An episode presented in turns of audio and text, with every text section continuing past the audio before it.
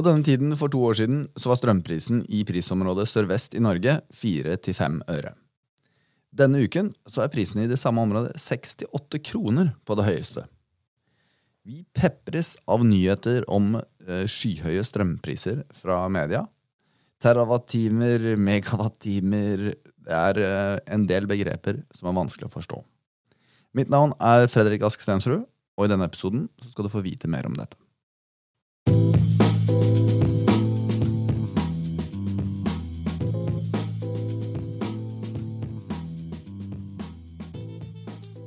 Er du med meg, Anders? Det er jeg. Jeg har som vanlig med meg Anders Johansen, som er sjefstrateg i Danske Bank. Og i dag så skal vi snakke om det norske strømmarkedet, Anders. Ja, jeg føler det er på tide. Eh, vi er jo inne i en eh, strøm- og, eller kanskje energikrise, og da må vi prate mer om dette. her. Det, eh, det må vi absolutt. Hva er det som har skjedd, Anders? Jo, det store som har skjedd, er selvfølgelig krigen i Ukraina, og at Russland nå begrenser eksporten av gass til Europa. Men dette har bygget seg opp over mye lengre tid enn det. det innenfor det feltet her da, så er det sinnssykt mye eh, som, eh, som, vi kan snakke om. Og jeg mistenker at du kan gå litt eh, løpsk, eller løpe litt løpsk, som de helst sier. Eh, så vi må ha litt struktur. Kan ikke du fortelle meg hvordan vi har tenkt å gripe an dette her? Jo, struktur tror jeg blir viktig, for det er en del bransjebegrep og konsepter som vi må kjenne til. Men jeg skal eh, prøve å gjøre det så enkelt som mulig og liksom legge det på et minimum for hva vi må ha for å, for å kunne forstå dette godt. Så Hovedtanken er å begynne med å forklare begrepene, og så forklare deretter hvordan markedet i Norge ser ut, og også hvordan Norge er en del av det europeiske markedet. Og så kan vi til slutt da forstå hvordan vi er kommet dit vi er i dag. Betyr det at du ikke skal gå inn på noen av de politiske utfordringene her? Eh, både ja og nei, vil jeg si. Men eh, som det heter, så er det sånn at fakta det dreper enhver god diskusjon. Og her må vi ha ganske mye fakta først, før vi kan synse. Og kanskje trenger vi heller ikke å synse etterpå. Ok, det her, eh, det her, gleder jeg meg til. Jeg har lyst til å plugge litt før vi setter i gang, Anders. Uh, husk at hvis du vil lese mer av de sakene som Anders deler, så kan du finne han på Twitter under handlet at makrojohansen. Du kan også søke opp meg hvis du vil stille noen spørsmål til redaksjonen i Danske Bankers på at Ask Stensrud på Twitter. For øvrig så vil jeg minne om at det kan være veldig fornuftig å abonnere på podkasten vår der du lytter på den, så får du automatiske notifications når de nye episodene kommer ut. Og vi vil selvfølgelig veldig veldig gjerne at dere bare sender inn kommentarer, spørsmål, forslag til ting dere ønsker at vi skal dekke. I, i dag så dekker vi jo en, eh, en, sak som er litt utenfor vår kjernekompetanse, for å si det mildt. Men, eh, men når, det, når det er sagt, la oss bare komme i gang. Hva er planen for i dag, Anders? Jo, Vi begynner med å snakke om et par helt sentrale begreper, sånn som watt, terawatt-timer eh, osv. Men eh, jeg skal love å holde da begrepene og regningen på et minimum, og det er eh, helt eh, overkommelig. Så, så, ikke skru av, selv om det er litt av det i begynnelsen. Så skal vi diskutere litt om hvordan man oppnår balanse mellom tilbud og etterspørsel ved å variere en pris. Eh, for, før vi går inn på å snakke om tilbud og etterspørsel i det norske kraftmarkedet i dag. Eh, og så ser vi på det norske og det nordiske strømmarkedet. Skal forklare viktigheten av de norske vannmagasinene. Eh, og så avslutter vi da med å snakke om disse famøse overføringskablene til utlandet, og om det er riktig at de har skylden for den krisen vi står i. Ja, for det, det er jo verdt egentlig å, å reflektere litt over det før du går i gang med Watt-sakene dine, Anders. For en vanlig mann gidder sikkert ikke å sitte og lese utrolig mye detaljer om om liksom strømmarkedet i Norge, annet enn at fader, prisen er drithøy og jeg får høye regninger. Men saken er at vi føler vel alle liksom at Norge er et land med mye eh, ressurser. Hvorfor skal jeg måtte betale så sinnssykt mye for noen ressurser som i utgangspunktet er mine? Det er jeg sikker på at det er ganske mange som uh, tenker. Uh, så derfor, ha tålmodighet gjennom Watt-diskusjonen, så kommer vi nok nærmere inn på det uh, senere. Ikke sant, Anders? Det stemmer. Ok, Hva er en watt? Watt det er et begrep som måler effekt per tidsenhet. Det står det da liksom definisjonen. Eller du kan tenke på det som kraft. Det, ta et eksempel som hestekrefter. For eksempel. Det er da eh, cirka, eller en hestekraft er eh, 750 watt omtrent. Eh, et annet eksempel eh, det er jo at når du tråkker på en pedal, så genererer du en kraft. Eh, for et par år siden da jeg ble 40, så fikk jeg noen sånne fancy wattpedaler. Og da kan jeg faktisk se hvor mye watt jeg genererer til enhver tid. Og det morsomme med det er selvfølgelig at jeg da med litt erfaring kan vite hvor mye jeg kan trå på før jeg blir eh, stiv i lårene. To andre eksempler fra huset, kanskje litt mer vanlig, det er jo at eh, vi har panelovner i stuen som f.eks. genererer 600 watt. Eller vi har lyspærer som i gamle dager var 40 og 50, men som vi da har sett i de siste årene er blitt 5, 6, 7 watt. Fordi de er ledd eh, og derfor avgir mye mindre varme. Så størrelsen på kraftverk og overføringskabler måles også i watt. Ok, Som dere skjønner, så føyer Anders seg fint inn i stereotypiene rundt finansfolk. Men eh, sier vi ikke som regel eh, giga eller terawatt? Jo, det stemmer jo det. Så la oss ta litt om de størrelsesbegrepene også. og Nå, det, nå blir det liksom mattetime, da, men det, det, husker du kanskje. ikke sant? Vi har begreper som kilo, mega, giga og terra, og de brukes ofte sammen med watt. Men det er ikke så vanskelig, fordi en kilometer det kjenner vi jo til, det er 1000 meter. Så kilo betyr 1000. Eh, så har vi mega, som da er 1000 000. Det øker med 1000 fra forrige. Så det er da 1 million. Så er giga en milliard, og terra er da 1000 ganger større enn det igjen. Eller vil si et ett-tall med 12 nuller bak. Og da begynner det å bli ganske så stort, da. Og så Det neste begrepet som vi må ta, det er jo kilowatt-time, eller som ofte forkortes KWH, KVH på kort. Um, og det er da en kilowatt-time. Det er rett og slett å bruke en varmeovn på 1000 watt i én time. Uh, og her er det da en kilowatt-time fordi det er da 1000 watt. ikke sant? Vi bare forkorter det.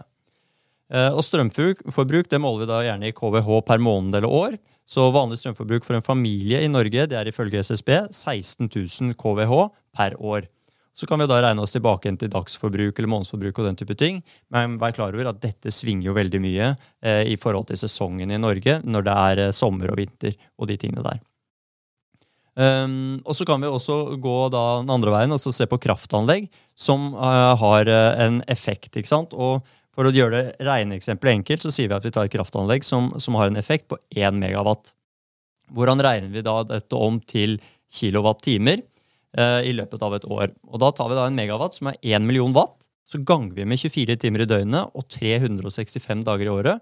Og da kommer vi fram til årsproduksjonen, som er 8,8 eh, milliarder watt. Eller, eller watt-timer, da. Eller 8,7 gigawatt eh, timer per år. ikke sant? Og da har vi da, Nå går jeg fra milliarder til giga, for det er mye lettere å, å forholde seg til. Så her kommer da den derre eh, som jeg snakket om i sted, inn. da.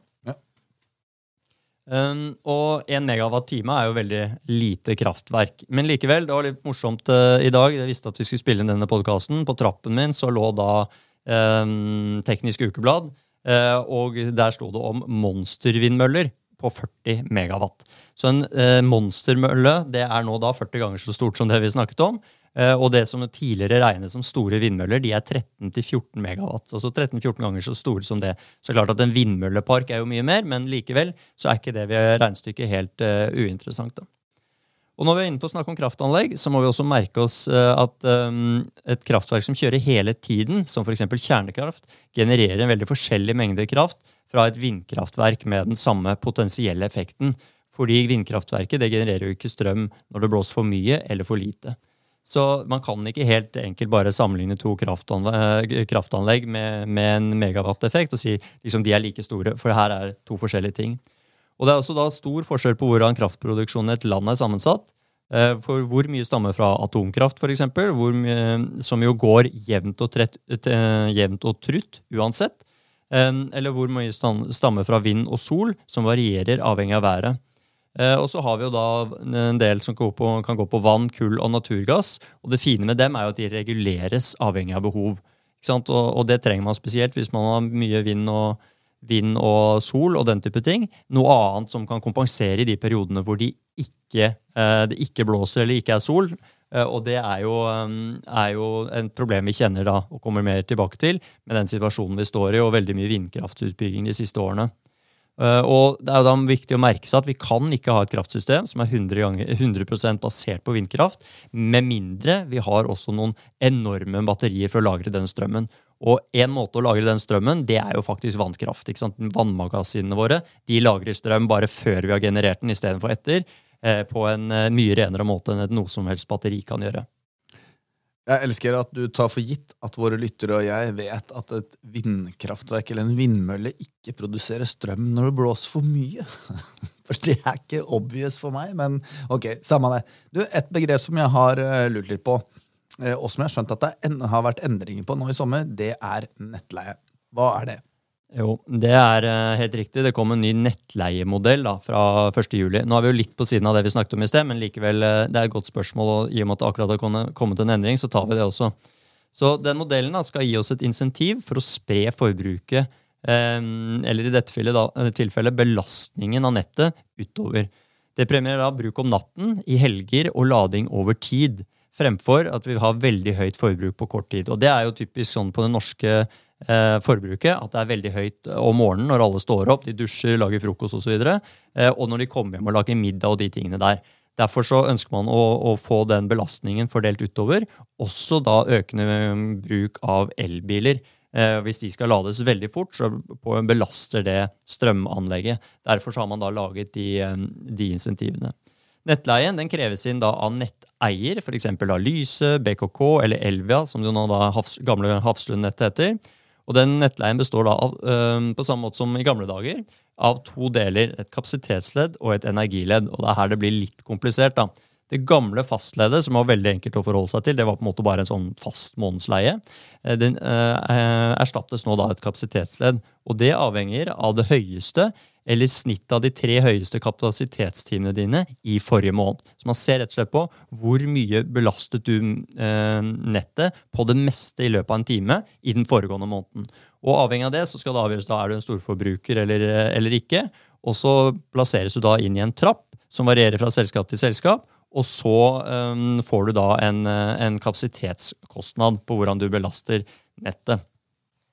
Og så er det også da et uh, energiledd, og det skal være minst 50% av nettleien. Og det, Sånn var det også før, hvor, uh, hvor, det egentlig er da forbruket ditt. Uh, og der, Her er det ikke en pris som svinger opp og ned, men det er en fast pris som du da belastes, avhengig av hvor mange KVH du brukte i måneden. Men det innføres da to nivåer. En for dagtid mellom klokken seks om morgenen og ti om, ti om kvelden. Og en som er om natten og i helgene. Altså ti om natten til seks om morgenen og helgene. Og for Elvia, da, som eh, er eh, nettselskapet mitt, så er prisen der 41, eh, nei, unnskyld, 43 øre på dagtid og i ukedagene og 36,8 øre i helgene. Altså en forskjell på 16 Det også for å gi insentiv til å bruke strøm når ikke alle andre gjør det. Ok, her, her må vi oppsummere litt. For jeg tror de fleste tenker liksom på strømregningen sin som nettleie og strømforbruk. Og da eh, må vi da, ref det du har forklart oss nå, så har vi nettleien, som da både er kapasitetskostnaden og et um, energiledd som er knytta opp mot forbruket ditt, men fortsatt innenfor nettleiekostnaden. Og ved siden av det så har du en faktura for det faktiske strømforbruket ditt. ikke sant? Og den faktiske strømprisen. Riktig. Riktig. Og eh, nettleien er jo da selvfølgelig for den belastningen som du legger på eh, infrastrukturen i, eh, i, i, Altså den strøminfrastrukturen, mens forbruk selvfølgelig er i forhold til hva du bruker. Men du, da er jeg klar for å snakke litt mer om prisen og hvorfor den er så høy. Eh, og for å forstå det, så må vi vel fort inn på tilbud og etterspørsel. Ja, det er helt riktig. For tilbud og etterspørsel, eller supply and demand, som det heter på engelsk, da, det er et av de mest sentrale prinsippene i økonomi. Og ganske enkelt så er Det sånn at det må være tilbud, balanse mellom tilbud og etterspørsel av en vare. Eh, og dersom det er avvik, så er det prisen da, som skal regulere slik at det blir en balanse mellom tilbud og etterspørsel. Eh, fordi det er jo sånn at det, Hvis prisen øker, så er det normalt sånn at eh, da øker tilbudet. Mens etterspørselen vil falle.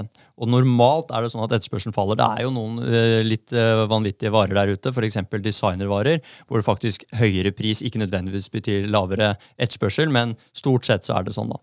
Så høyere pris gir høyere tilbud og lavere etterspørsel, og skal balansere da dette. Og Tenk f.eks. På, på hvordan forbruket faller når prisen øker. Så kan man jo se på mobiltelefoner, f.eks. Det er jo, Når mobiltelefonen koster et par tusen, eller hvis den hadde kostet et par tusen, så hadde det vært mye lettere å gjøre et bytte enn når de koster 10 000-15 000, sånn som i dag. Uh, og et da marked som overlaster seg selv og uten noen begrensninger, vil finne en balanse der tilbudet er lik etterspørselen ved å variere markedsprisen. Det er liksom prinsippet vi må ha i, i bakgrunnen her. Så kan det jo i perioder være begrensninger på tilbud eller etterspørselen. eksempel så vil, kan tilbud, deler av tilbudet forsvinne, sånn som under korona. Og, og da blir tilbudskurven endret, og balansen i markedet eh, blir på da, sånn som korona, en høyere pris. For det forsvant en del av tilbudet, og da må prisen opp for å redusere etterspørselen. Det motsatte det skjedde jo da i Klondyke rundt 1900, da det var denne gullrushet, hvor det kom store forekomster av gull inn på markedet, og gullprisene falt som en, som en stein i, praktisk, i praksis. En annen ting å være klar over, det er at kraftgenerering det er slik at de billigste kildene de utnyttes normalt først. Um, og Etter hvert som etterspørselen øker, uh, så vil man da ta i bruk mer og mer marginale kilder, hvor kostnaden per generert enhet den øker. Så de billigste kildene får da den samme prisen som de med høye kostnader. Uh, og da vil jo de ha en mye høyere lønnsomhet.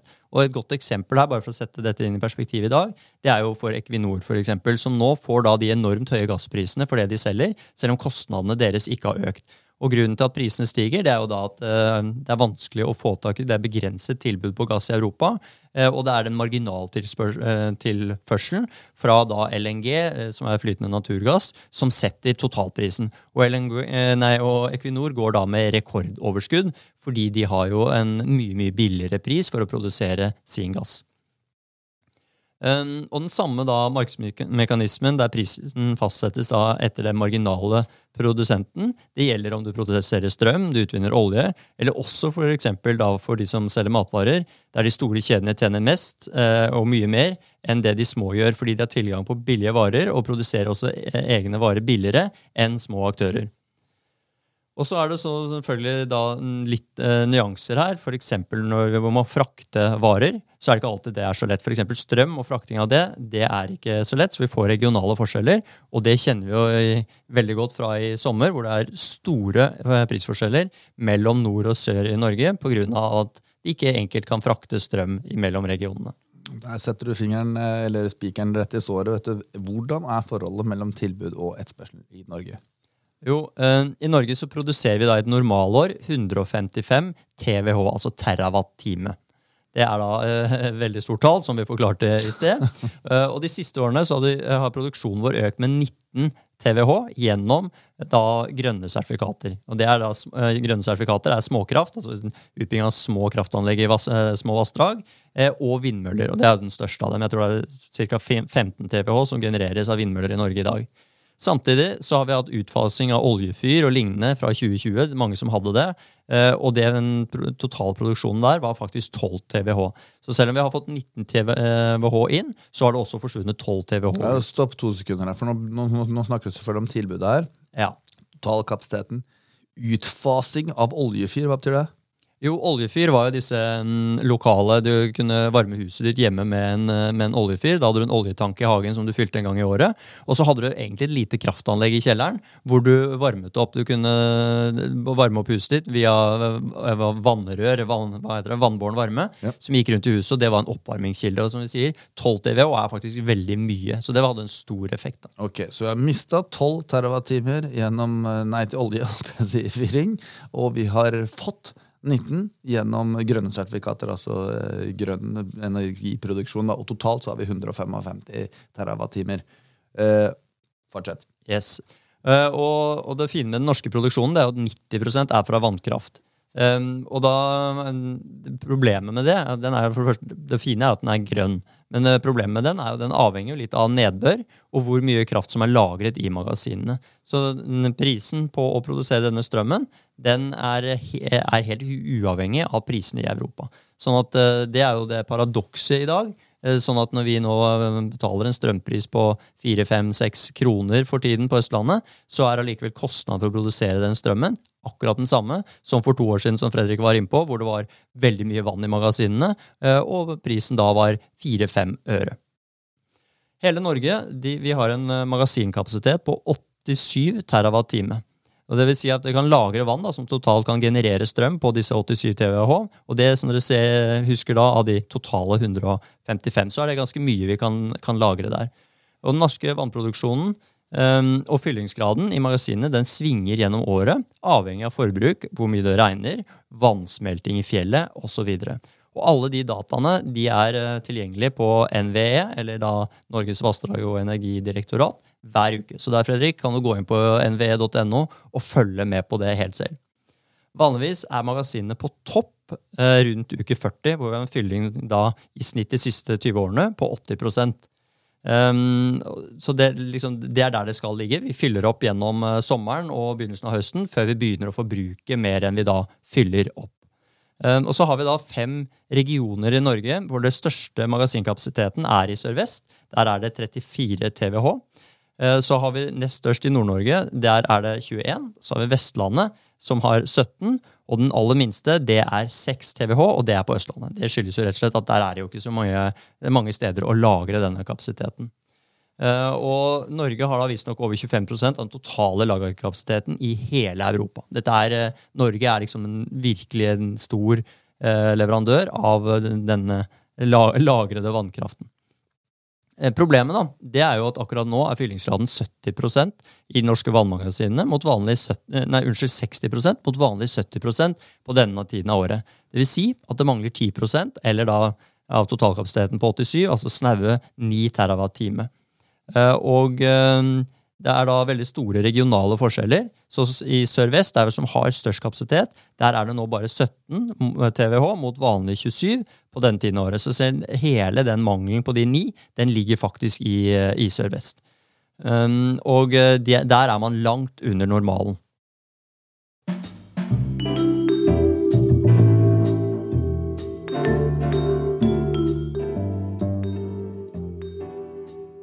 Du reiser av gårde her, Anders. Må, jeg må oppsummere litt. Eh, eller jeg må prøve å oppsummere litt, så får du arrestere meg hvis jeg, jeg tar feil. Vi har en total normalproduksjon på 155 TWh i Norge. Vi har en kapasitet i, eh, en magasinkapasitet på 87 TWh. Eh, de er vanligvis fullest på høsten i uke 40 med over 80% fylling. Og akkurat nå så ligger vi 10% under det som, som, i hovedsak skyldes at vi i Sør-Vest mangler 10 TWh. Stemmer det? Det var uh, veldig bra. Fint du tar noen oppsummeringer underveis her. Så Hvis vi hopper over til etterspørselen i Norge, så er det jo sånn at uh, den er 135-140 TWh per år. Vil si at vi har en kapasitet til å eksportere differansen på de 155 og 140, altså omtrent 15 TWh uh, per år i et normalår. Etterspørselen i Norge den vokser jevnt og trutt med økende befolkning, flere hytter, større hus, større enheter osv. Eller flere, flere, hus og hytter og større enheter, eh, og eh, kanskje også høyere temperaturer inne. Eh, og norske husholdninger brukte da av de 140 som vi bruker totalt, 40 TWh i 2021, som var da opp 38, fra 38 i 2020. Så litt vekst var det der, men 2020 var et spesielt år pga. korona. I snitt så bruker da en husholdning 16 TWh eh, Kilo? På, ja, unnskyld. Ja, TWh da, veldig mye. Kilowattime per hus. Mens norske hytter bruker 7800 KWH. Og så har vi da den store, det er næring og industri. De brukte totalt eh, 89 TWh i fjor.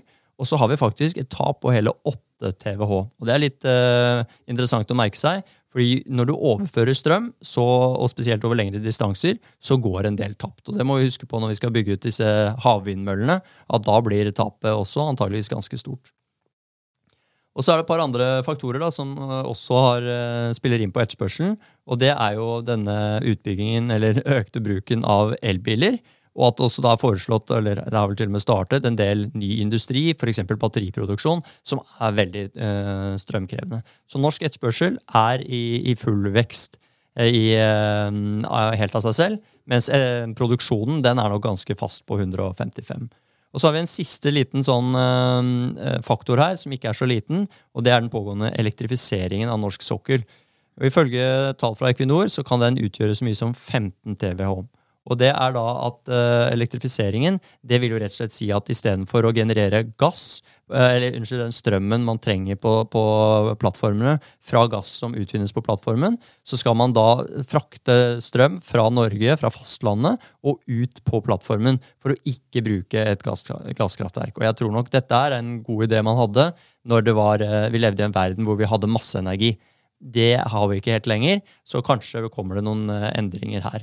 Og Målet er selvfølgelig at vi skal slippe ut mindre CO2 i et norsk perspektiv. Men her tror jeg det fremover blir viktig å tenke globalt. Eh, og tenke at ok, hvis ikke vi bruker, uh, bruker uh, Eller vi, vi, må bruke all energien som er, og vi må frakte minst mulig energi frem og tilbake, for det koster energi. Og det tap på energi, sånn som vi snakket om med overføring via nett osv. Og, og, og da blir det meningsløst å ikke bruke de gasskraftverkene som allerede er der. Og når vi i tillegg tar inn regningen på 50 milliarder norske kroner minst, så vidt jeg har sett, for å gjøre den omleggingen, så, er jo det, så, så tror jeg ikke det regnestykket er regningssvarende. Ok, eh, eh, Men da har vi jo egentlig etablert at vi har et kraftoverskudd på 15 TWh, og det må jo eksporteres. Så eh, hva er det egentlig som er det store problemet med disse utenlandskablene da? Jeg tror vi må ha et par puslespillbrikker til på plass før vi kan svare på det. For vi har totalt 17 utenlandskabler. Og mange av disse har, vært, har vi hatt i mange år. F.eks. mellom Norge og Sverige. Der er det liksom sånn brødreutveksling. Har de litt for mye, så får vi, og har vi litt for mye, får de.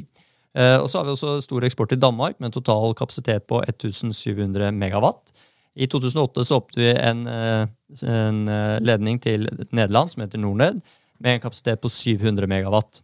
Eh, så da hadde vi total da, overføringsmulighet fra de to på 2400 megawatt. Og så, i 2021, Ehm, så åpner vi to nye kabler. En til Tyskland, som heter Nordlink, og en til England, som heter North Sea Link. Eh, og det er her debatten ligger. For de har en kapasitet på 1400 megawatt hver. Og så langt eh, har de da primært drevet med eksport. Altså mellom 80 og 100 av dem har eksportert eh, så langt. Og da med en effekt på 1400 megawatt så kan de eksportere 12 terawatt-time totalt hvis de bare eksporterer hver. Sånn at totalt sett så er det faktisk da det dobbelte, opp til 24 TV, TWh. Eh, så som du ser da, så har vi da økt eksportkapasiteten vår fra de 2400 som var til Danmark og Nederland, til eh, nei, unnskyld, 1400, og lagt på ytterligere 2800. Så det, det, blir liksom eh, en veldig stor økning. Dette kom i 2021. Det er selvfølgelig besluttet mye, for mye lenger siden, i en verden hvor vi ikke hadde samme problemer som vi har i dag. Men, men uh, i mellomtiden så har vi da gått til en, en, en energikrise på, i Europa. Uh, og det er jo da vi får et problem. Og, og, også da har man jo da en eksportkapasitet som overstiger det faktiske uh, energioverskuddet. Ja, ikke sant? Vi kan jo, vi kan jo eh, rundt regnet eh, eksportere godt over 30 TWh, mens vi sa, som du sa, eh, vi i normalsituasjon kan eksportere 15 for å være i balanse selv. Og I tillegg må vi også få med oss at all, all denne eksporten, se bort fra Sverige, den går fra én region, som er i sør-vest, og der har det en total magasinkapasitet på TV, 34 TWh, og det er omtrent den samme som eksporten. Så akkurat nå så vil det si at vi kan eksportere ut all magasinkapasiteten i Sør-Vest i løpet av et år. Så den er blitt veldig, veldig stor. da. Um, og, og, selvfølgelig var det uflaks med da, den utbyggingen som, som var i 2021. Uh, og så tenker jeg at I tillegg på toppen av dette her, så driver vi jo da med den elektrifiseringen av sokkelen, som i seg selv kunne ta hele det norske kraftoverskuddet og, uh, på 15 TWh og bruke til den elektrifiseringen. Så der håper jeg virkelig det skjer noe uh, om ikke så lenge. Ok. Nå, jeg, jeg, føler at vi må oppsummere igjen. Anders. Det er, det er, ikke bare bare å henge med i alle begrepene og eksport og import. Men um Ok. Alle de store og nye utenlandskablene de går fra region sør-vest, eh, hvor vi for tiden ser de høyeste strøm strømprisene. ikke sant? Eh, vi hadde fram til 2021 to kabler fra region sør-vest på til sammen 2400 megawatt-timer. Nei, megawatt. Og i 2021 ble dette mer enn doblet med to nye kabler på til sammen 2800 megawatt, som teoretisk kan produsere 24 terawatt-timer. Og til sammen så vil det si at vi kan eksportere mer enn hele vannmagasinet, som vi sa, i regionen hvert eneste år. Eh, men hvorfor sender vi ikke da, lurer jeg på da, hvorfor sender vi ikke da bare kraft fra nord? Jo, det er et veldig godt spørsmål som eh, mange lurer på. For der er det jo, som vi vet, veldig lave priser. Faktisk, eh, så I sommer så var jeg inne på og sjekket akkurat det her. Og da var det litt paradoksalt, for da var prisen i nord 2,3 øre. Og prisen der hvor jeg var på det tidspunktet, var 2,3 kroner. Altså 100 ganger så høy. Så veldig relevant. Men for å svare på det, så må vi snakke litt om det, om det norske systemet, rett og slett. For der er det jo sånn at vi har eh, et eh, overføringsnett, og det er delt i tre. Vi har et sentralnett, som er det som frakter eh, strømmen de store avstandene. Det kontrolleres av Statnett. Så har vi et regionalnett som det eies og drives av nettselskapene og fører strømmen fra sentralnettet og ut til kommunene. Og det er regulert, det glemte jeg å si i det er jo regulert hvor mye de kan ta, i, ta seg betalt. For dette er jo monopolsituasjon. Så det er ikke sånn at din lokale nettselskap bare kan bestemme en pris. Det er veldig nøye regulert, og de skal ha en viss avkastning på de investeringene de gjør, men ikke noe mer enn det. Og så er det da et lokalnett hvor man frakter da strømmen helt ut til sluttbrukeren. Det var i gamle dager eid av disse små elselskapene, men nå er det nok i stor grad da drevet av, av de samme nettselskapene som har liksom konsolidert det markedet. Og der er det jo også for tiden litt eh, problemer pga. Den, denne utbredelsen av disse elbilene, som er en veldig stor belastning. Og økt belastning i forhold til når nettet ble bygget, og ikke minst når man skal lade veldig store batterier veldig fort. Og så har vi da, Ut fra dette så har vi fem prissoner. Og det er overføring mellom sonene, men overføringskapasiteten den er da ikke stor nok, sånn at vi får en lik pris. Og Det er jo der problemet ligger i dag. Um, så, og I og med at mesteparten av overføringen til utlandet den skjer fra sone 2, så er jo i prinsippet Sør-Norge koblet på de utenlandske eh, prisen, eh, markedet, fordi det er så stor kapasitet der. Eh, og etterspørselen i Europa er jo så å si umettelig.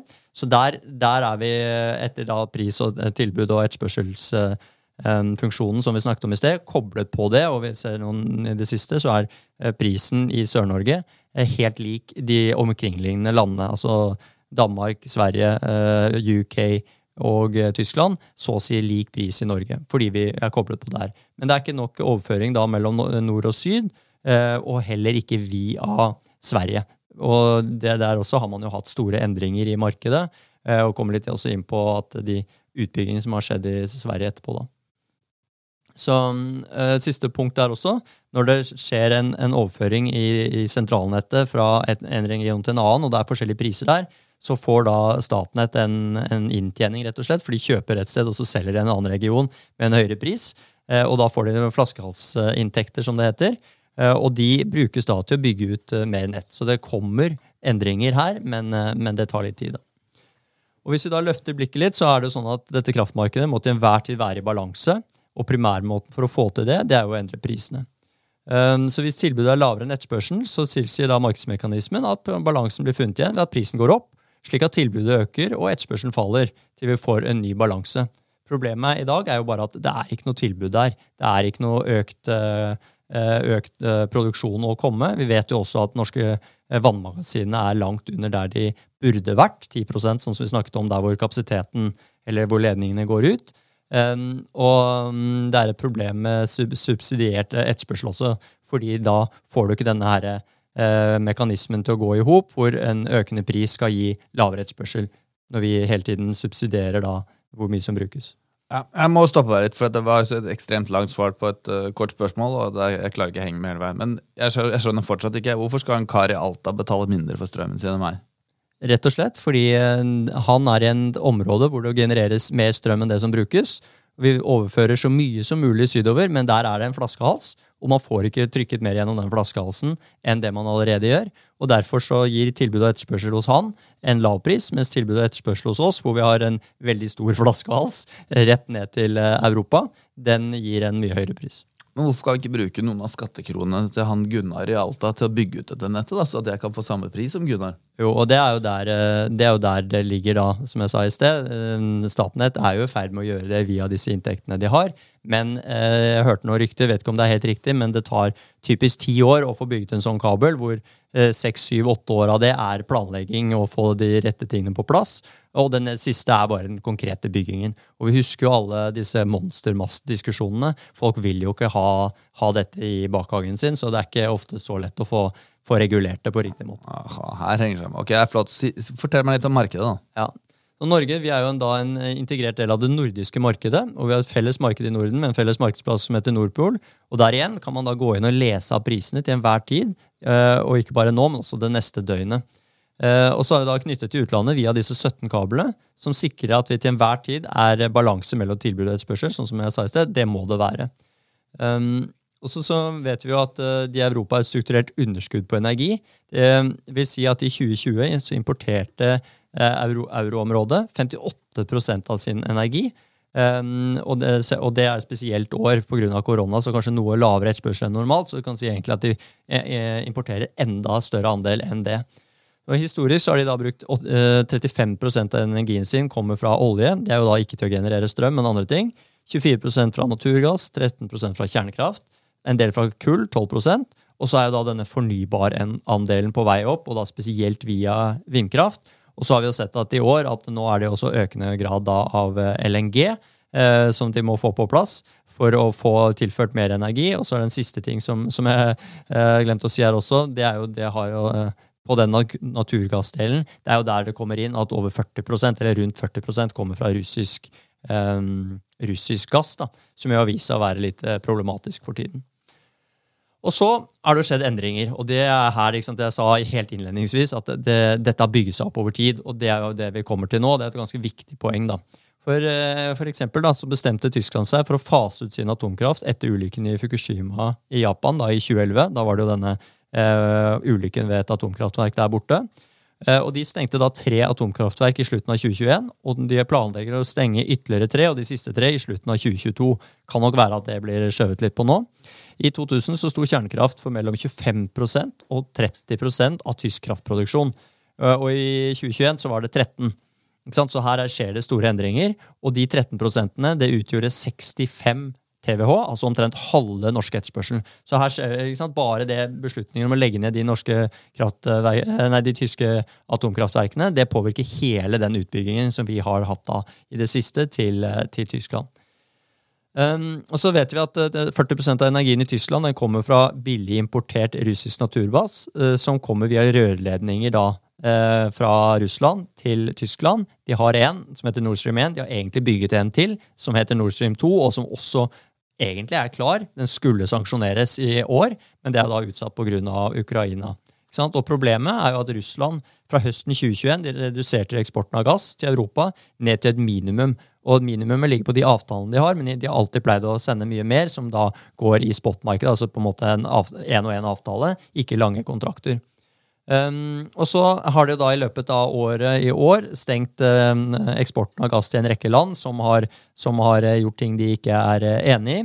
Og nå har de da i tillegg, uh, etter at Nord Stream 1 i sommer var stengt for vedlikehold, som den er hver sommer, men det vanlige er jo at den går opp igjen til 100% Nå er den på 20% og de snakket eh, i går eller foregårs om at de kanskje måtte ta den ned for et nytt vedlikehold i september. Og det, dette er jo krigen, ikke sant? Eh, hvor de nå stenger den eh, tilførselen da av eh, gass. Og når vi da hører at det er 24 av det europeiske kraft, eh, totalkraftmarkedet som kommer fra gass, så skjønner vi da det problemet. Lagrene er på vei opp igjen. De bygger opp lagre nå.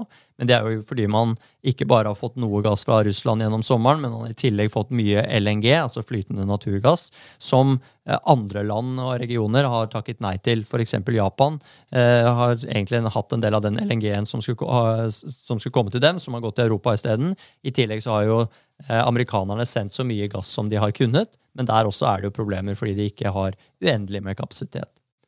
Et annet eksempel, da, eh, bare for å vise hvor eh, prekær situasjonen er, så har jo Sverige tre kjernekraftverk som står for om lag 30% av produksjonen. Men i Sverige så har man da hatt en nedtrappingsstrategi i mange år. Eh, og de har lagt ned en rekke reaktor, reaktorer også. Så er den stoppet i det siste. Men Eh, nylig så har de da stoppet to reaktorer på Ringhals, som fortsatt har to i drift. Men to av dem, halve kapasiteten omtrent, er stoppet i 2019 og i 2022. Og det var totalt 1800 megawatt. Så det er store tall, og det er jo da en teoretisk kapasitet på, på 16 TWh. Så du ser her de endringene som skjer i Sverige og Tyskland. Det har skjedd andre endringer andre steder også, men det påvirker jo sånn sett tilbudet i Europa, og det norske tilbudet blir veldig lite i forhold. Um, så det, det, det, har definitivt vært med å drive endringer. da. Men i tillegg så har det også i Sverige en positiv ting. De har jo bygget ut mye grønne, eller mye vindkraft med grønne sertifikater. Også hatt en samarbeidsordning med Norge der. Problemet er bare at veldig mye av dette er i Midt- og Nord-Sverige, med dårlig overføringskapasitet, som ikke har fulgt med. Sånn at det er med på å, å øke det problemet som du sa til han nordlendingen i sted. Så den kraften, det er linjer mellom Nord-Sverige og Nord-Norge. Eh, de får billig kraft fra Sverige der, for når det blåser, så blåser det. Da må man bruke den kraften på et eller annet, og er med på å dra, dra nordnorske priser ned. Så er det ikke nok kapasitet verken i Norge eller Sverige til å dytte den kraften lenger sør. Yes, det, mm, det var mye. Uh, Europeiske gasspriser må vi snakke om. Ja, vi må snakke litt om europeiske gasspriser. Og, og, og det er jo de som nå smitter, smitter over da, via disse overføringskablene. For det er ikke noen måte for oss å stoppe den eksporten når vi først har den, har den muligheten oppe. Uh, uten at vi da bryter uh, internasjonale, internasjonale, lover og avtaler som vi har gjort med disse landene. Vi har lange avtaler som vi har inngått når vi har bygget kablene sammen. Og det er jo også en teoretisk mulighet der for at vi trenger overføring andre vei i perioder med tørke, lave, vinne, nei, lave vannmagasiner. Men også i disse periodene med, med peak etterspørsel i Norge, som, som jo da denne nettleien prøver å jevne ut, sånn som vi snakket om eh, her også tidligere. Paradokset i Norge, da, hvis vi skal ta det òg, det er jo bare at vi eier jo kraftkildene våre selv. Og kostnaden for å produsere strømmen den har ikke steget i, i takt da med at prisene i Europa har steget. Sånn at eh, når vi betaler mye mye mer, nesten ti ganger så mye på strømregningen vår nå, i hvert fall på hytta, som det vi gjorde i fjor, eh, for to år siden, så er det jo eh, de, Den gevinsten blir jo ikke værende hos en eller annen utenlandsk eh, eh kraftselskap eller, eller eh, energiselskap à la Equinor. Den blir faktisk liggende hos eierne av de norske kraftselskapene. Heldigvis så er jo de eid av norsk, i, i all hovedsak, 95 omtrent, eid av norsk stat, kommuner og, og fylker. Men, men, likevel, dette her er det jo en overføring som skjer fra noen til noen andre, og hvordan de pengene flyter videre, det er jo mye av den diskusjonen vi står oppe i. Ja, og med de tusen ordene du har brukt der, så det du egentlig sier, er at det er ikke noe vi egentlig kan på kort sikt gjøre for å eh, frikobles fra Europa prismessig? Nei. Sånn som jeg forstår det, så er det ikke det. For det finnes bare to løsninger. Nummer én er at vi stenger disse linjene, eller disse kraftkablene, som vi akkurat har opprettet i 2021. da, Um, og som vi vel og merke trenger av og til selv. Og da vil vi bryte avtaler og, og, lover. Løsning nummer to er jo at vi bygger ut norsk kraftproduksjon så mye at vi igjen får den samme balansen som vi hadde før. Kraftig overskudd av produksjon i Norge og ikke nok kapasitet ut av landet. Uh, og som vi vet, det er uh, ikke så lett å bygge ut uh, vannkraft. Det er også en miljømessig aspekt av det. Og 90% av vannkraftsutbygg, eller mulig kapasitet, er allerede tatt ut i da området sør-vest. Um, og så kan vi jo gjøre en annen ting, og det er å redusere forbruket vårt. Og det mener jeg jo at det er jo noe vi uansett bør gjøre. Det er liksom eh, virkelig, Hvis det er noe jeg vil stå på barrikadene og si uansett, så er det at det må vi gjøre. For verden er i en, eh, en kraftkrise. Det er underskudd på kraft. Eh, vi har brukt opp veldig mye av den billige energien. Og, og vi har ennå ikke funnet på den fantastiske løsningen som er både ren à la sol, sol og vind, men også produserer like jevnt som atomkraft. Derfor så er det aldri feil å bruke mindre kraft, selv om vi får subsidierte da regninger fra staten også ut denne vinteren. Ok, Så vi er fucked, men heldigvis så har vi en rik regjering som kan støtte norske husholdninger og bedrifter. Ja, og, og der har vi noen strømstøtteordninger eh, som vi har for husholdningene. De blir stadig vekk bedre. Eh, og så diskuteres jo da hva som kan gjøres bedrifter. Vi så jo denne uken at det er noen bedrifter som faktisk har stoppet produksjonen nå fordi det er blitt for dyrt. Eh, men sånne ordninger de er jo aldri helt gode. Det vil alltid være skjevheter eh, ved dem. Og så er det jo det som vi snakket om tidligere, de ødelegger også markedsmekanismen. Insentivet for å kutte kostnader, nei, kutte etterspørsel, den blir også lavere. Så Noen har jo foreslått eh, at man da burde ha skatteletter. Du var inne på det i sted også. Kan vi ikke gjøre noe med skatten her? Men uansett så kommer det til å være noe fordeling eh, på tvers eh, ved den type ordninger. Og usikker på hvordan det kan gjøres best. da. Ok, Det her var utrolig mye informasjon å fordøye, Anders. Jeg tror jeg var nødt til å høre på episoden selv for å faktisk lære meg det her ordentlig. Men veldig nyttig å vite litt mer om noe som man tror man egentlig kan. Eh, jeg tror allikevel vi skal prøve å runde av litt der, Anders, så at ikke eh, folk mister jobben sin. For de fleste lytter vel på dette på vei til jobb. Eh, men du er nødt til å prøve å oppsummere litt, for det har ikke jeg tenkt å bi meg ut på. Nei, men du har gitt gode oppsummeringer underveis, så jeg skal prøve, prøve å bruke litt av, av dem. Så Vi begynte jo med å forklare sammenhengen mellom watt, kilowatt og begrepene som mega og terawatt. Og, og, de er ikke så vanskelig som, som de høres ut som. Så forklarte jeg da hvordan det må være en balanse mellom tilbud og etterspørsel. Og måten å få den balansen det er ved å variere prisen. For høyere pris gir høyere tilbud og lavere etterspørsel. Og så er det selvfølgelig noen begrensninger eh, ved f.eks. frakt for å få den balansen. Eh, og det er jo da grunnen til at vi ikke får balanse eller samme pris i nord og syd. At ikke det fritt kan flyte strøm mellom regionene sånn som det er nå. I Norge så produserer vi da et normalår med normale magasiner og normalt med nedbør. Det er mye forbehold her. 155 TWh, terawatt-time, mens vi i 2021 brukte 140. Så det er en eh, kapasitet der til å eksportere 15 TWh per år uten at vi tapper de norske magasinene. Eh, så vi går gjennom at vi har fem ulike prissoner i Norge hvor det er ulik magasinkapasitet. Eh, og den magasinkapasiteten den er da størst fra sør-vest. Og så har vi da en del kapasitet til å eksportere kraft, og den også er primært fra det området sør-vest, hvor de nå også da opplever de høyeste prisene. Og den kapasiteten da, og det er mye diskusjonen, den ligger jo at den kapasiteten i 2021 økte med to nye kabler til Tyskland og England hvor de ga en mer enn dobling av eksportkapasiteten. Eh, slik at de nå faktisk kan eksportere hele magasinkapasiteten hvert år ut fra den regionen. Så der er det jo blitt en, et misforhold mellom hvor mye vi kan, man bruker i regionen, og hvor mye vi kan eksportere. Ergo så ble vi via det koblet på den regionen i første omgang, koblet på de europeiske prisene. Og fordi det er god flyt mellom alle regionene i Sør-Norge, så er også de andre regionene koblet relativt tett på den prisen. Det er faktisk litt dyrere i sør-vest, men ikke veldig mye. Og så er det jo da eh, det europeiske markedet, hvor det er utsatt for på mange måter en perfekt storm. For samtidig som de har tatt en del uheldige grep, vil jeg si, da, eh, ved å redusere kjernekraft eh, og, gå over til fornybare kilder før man har funnet en god erstatning. Og disse fornybare kildene de er også mye mer variable, sånn som vindkraft. For i fjor sommer så blåste det eh, visstnok eh, lite i, i, Europa, som gjorde at man brukte mer av lagrene sine. Eh, så har de også belaget seg på bruk av billig russisk gass, som jo har vist seg å være mye mer uforutsigbart enn det man trodde og håpet på. Og det, alt i alt så betyr det jo at vi trolig må leve med høye priser i Sør-Norge, og kanskje også i Nord-Norge, når, når, den utjevningseffekten eller kablene kommer, til det igjen blir en balanse i Europa. Ok, Helt rått. Uh, takk skal du ha, Anders. Dette var veldig interessant. Og dette er jo nettopp en sånn type tematisk sending som vi gjerne vil ha um, forslag fra dere lyttere da, til, uh, til, temaer som vi kan dekke på denne måten. Vi uh, sitter klare, og med vi så mener jeg Anders. Eh, er det noe mer du vil si her, Anders? Ja, jeg eh, vil si én ting. fordi Om du ikke er lei av å høre på dette her, og vil gjerne vil ha enda mer detaljer, så kan jeg anbefale en annen podkast. Eh, Wolfgang V, som har veldig fine podkaster, men veldig lange. Han intervjuet i forrige uke Jon Hustad, som er veldig kunnskapsrik, og også på dette området.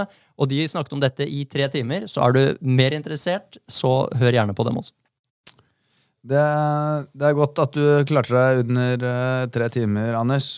Uh, tusen takk til deg, og så høres vi igjen om to uker.